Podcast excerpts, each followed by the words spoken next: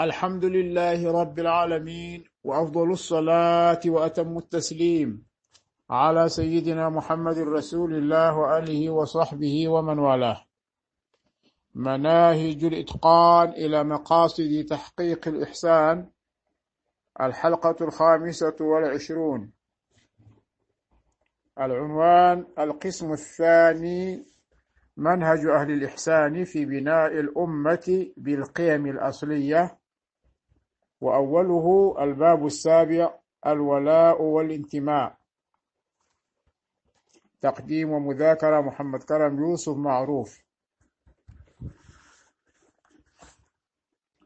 قال المؤلف حفظه الله ورعاه.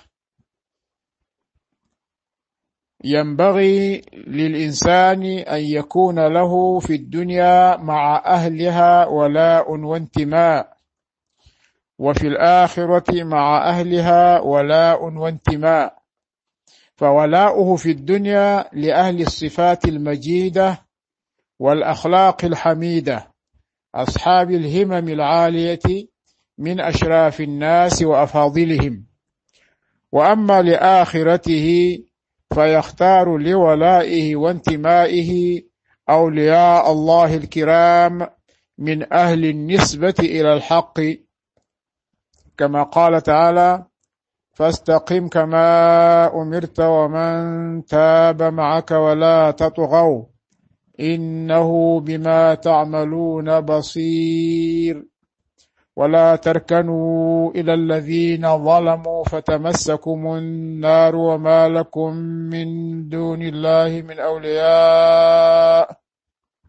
وما لكم من دون الله من أولياء ثم لا تنصرون وأقم الصلاة طرفي النهار وزلفا من الليل إن الحسنات يذهبن السيئات ذلك ذكرى للذاكرين واصبر فإن الله لا يضيع أجر المحسنين فلولا كان من القرون من قبلكم أولو بقية ينهون عن الفساد في الأرض إلا قليلا إلا قليلا ممن أنجينا منهم. واتبع الذين ظلموا ما أترفوا فيه وكانوا مجرمين. وما كان ربك ليهلك القرى بظلم وأهلها مصلحون. سورة هود الآية 112 إلى 117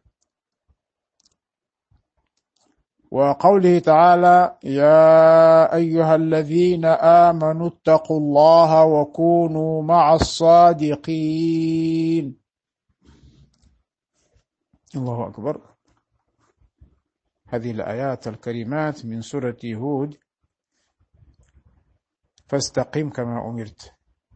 واضح الاستقامة على أمر الله عز وجل. هذا توجيه للنبي عليه الصلاة والسلام والتوجيه للنبي صلى الله عليه وسلم هو توجيه لأمته إلا أن تكون هناك خاصية. وهنا هي توجيه له صلى الله عليه وسلم من الله عز وجل وتوجيه لأمته عبره صلى الله عليه وسلم. ثم قال ولا تركنوا إلى الذين ظلموا فتمسكوا النار. ودي الصحبة نفسها. يعني إنسان لابد أن يختار آه، من يصحبهم. معنى ذلك ألا يصحب الظالمين. فإذا صحب الظالمين فتمسه النار. ولا تركنوا إلى الذين ظلموا فتمسكم النار. وما لكم من دون الله من أولياء ثم لا تنصرون. الله أكبر. والله عز وجل هو وليكم. فإن تركتم الله عز وجل لا تنصرون. ثم وأقم الصلاة طرفي النهار وزلفا من الليل. إن الحسنات يذهبن السيئات ذلك ذكرى للذاكرين. وأقم الصلاة. قامت الصلاة. الصلاة هي كما هو معروف هي رأس الأمر. هي الركن الثاني من أركان الإسلام. ثم هنا فيها تحديد للزمن. وأقم الصلاة طرفي النهار. وزلفا من الليل. إن الحسنات يذهبن السيئات. كما قال النبي صلى الله عليه وسلم واتبع السيئة الحسنة تمحوها. ذلك ذكرى للذاكرين. هذه ذكرى للذاكرين لمن يتعظون ويتذكرون. واصبر فإن الله لا يضيع أجر المحسنين. الله أكبر. كل هذه أداب وصفات جميلة. الصبر فاصبر فإن الله لا يضيع أجر المحسنين. الله عز وجل أمرنا بالصبر ثم أخبرنا بأجر الصابرين. فإن الله لا يضيع أجر المحسنين. إذا كان الصبر صعبا فإن الله عز وجل لا يضيع هذا هذا الصبر والحبس النفس على ما تكرهه. فلولا كان من القرون من قبلكم أولو بقية ينهون عن الفساد في الأرض إلا قليلا ممن أنجينا منهم.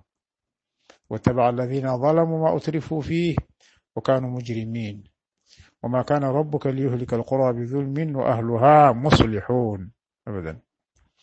ثم قال تعالى يا أيها الذين آمنوا اتقوا الله وكونوا مع الصادقين. كأن هذه الآية هي أساس الصحبة. صحبة المؤمن للصالحين. صحبة أصحاب رسول الله صلى الله عليه وسلم. هي رسولنا الأعظم صلى الله عليه وسلم. ثم بعدهم كل يصحب الصالحين ويصحب الذين يذكرون الله يذكرونه بالله تبارك وتعالى وبأمر الله عز وجل ويقودونه إلى الله عز وجل ويرجعون به إلى الله تبارك وتعالى.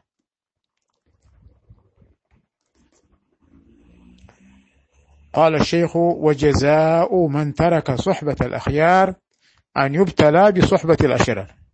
أبدا إذا كان الإنسان ترك صحبة الأخيار فلا بد له أن يصحب الأشرار.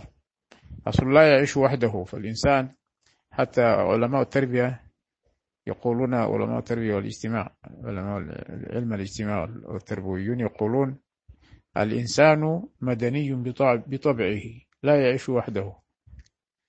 هنا الشيخ يقول من ترك صحبة الأخيار يبتلى بصحبة الأشرار. نعم. قال تعالى ومن يعش عن ذكر الرحمن نقيض له شيطانا فهو له قرين.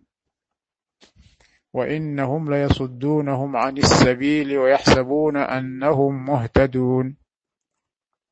حتى إذا جاءنا قال يا ليت بيني وبينك بعد المشرقين فبئس القرين. هذا تمني. يوم القيامة. سورة الزخرف الآية السادسة والثلاثون إلى الثامنة والثلاثين. وقال تعالى الأخلاء يومئذ بعضهم لبعض عدو إلا المتقين. يا عباد لا خوف عليكم اليوم ولا أنتم تحزنون. الذين آمنوا بآياتنا وكانوا مسلمين. ادخلوا الجنة أنتم وأزواجكم تحبرون. يطاف عليهم بصحاف من ذهب وأكواب. وفيها ما تشتهيه الأنفس وتلظ الأعين. وأنتم فيها خالدون. وتلك الجنة التي أورثتموها بما كنتم تعملون. لكم فيها فاكهة كثيرة منها تأكلون. سورة الزخرف. الآية السابعة والستون إلى الآية الثالثة والسبعين. ومن فوائد الانتماء إلى أهل الخير التشبه بهم في العمل والاقتداء بهم في أعمالهم التي تخصهم في خلواتهم وجلواتهم والحصول على شفاعتهم أو من فوائد الانتماء الحصول على شفاعتهم فيما عجزت عنه قدرة الإنسان. الله أكبر. من فوائد الانتماء إلى أهل الخير التشبه بهم في العمل.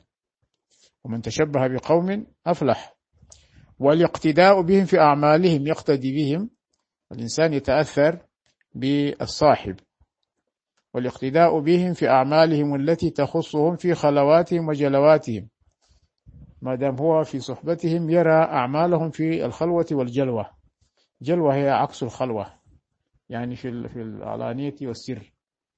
والحصول على شفاعتهم كذلك يجد شفاعتهم فيما عجزت عنه قدرته. وفي الحديث عن ربيعة بن كعب رضي الله عنه قال كنت أخدم النبي صلى الله عليه وسلم نهاري. فإذا كان الليل آويت إلى باب رسول الله صلى الله عليه وسلم فبت عنده. فلا أزال أسمعه يقول سبحان الله سبحان الله سبحان ربي. حتى أمل أو تغلبني عيني فأنام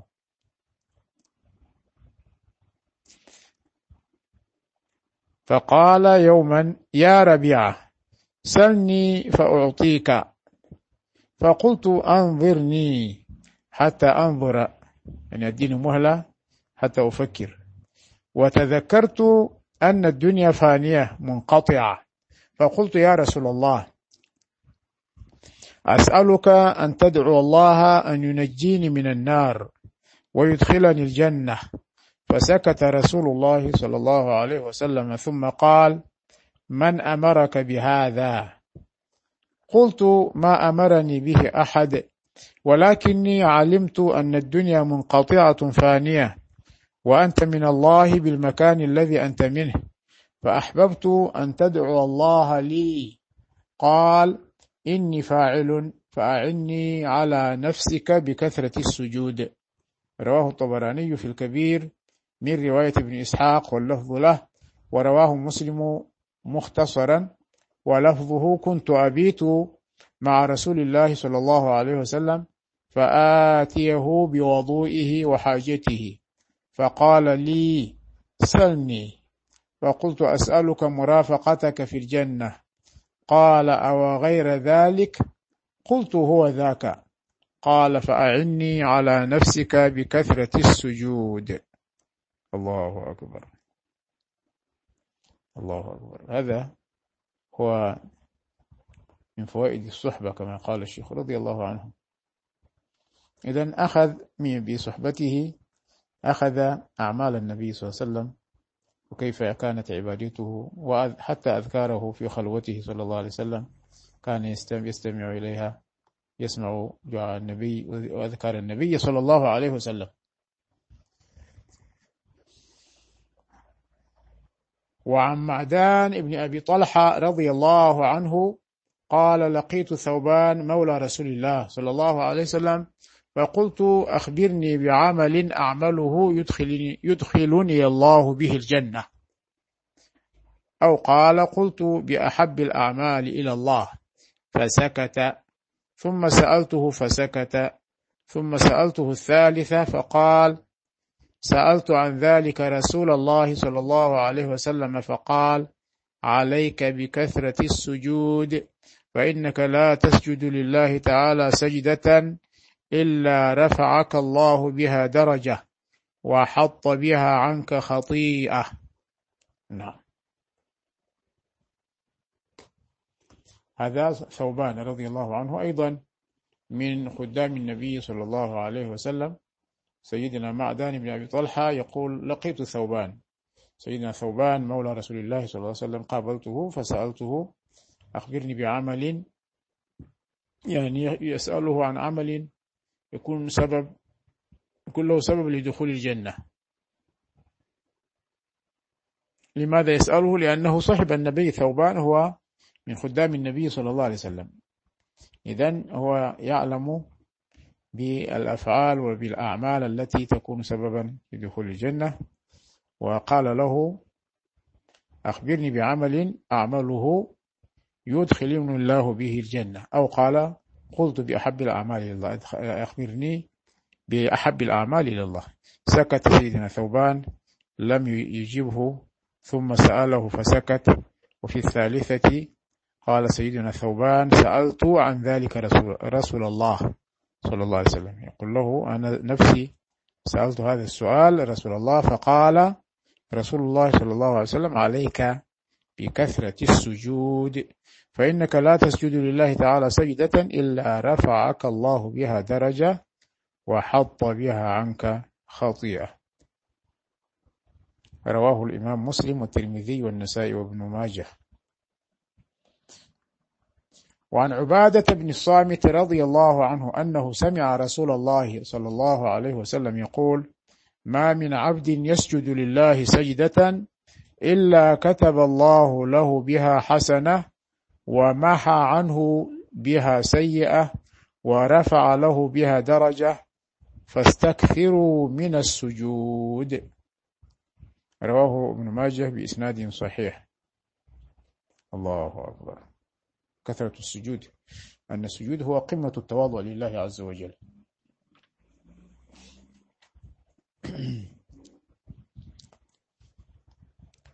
قال الشيخ حفظه الله أثر الدين في قيام أمة موحدة وقوية.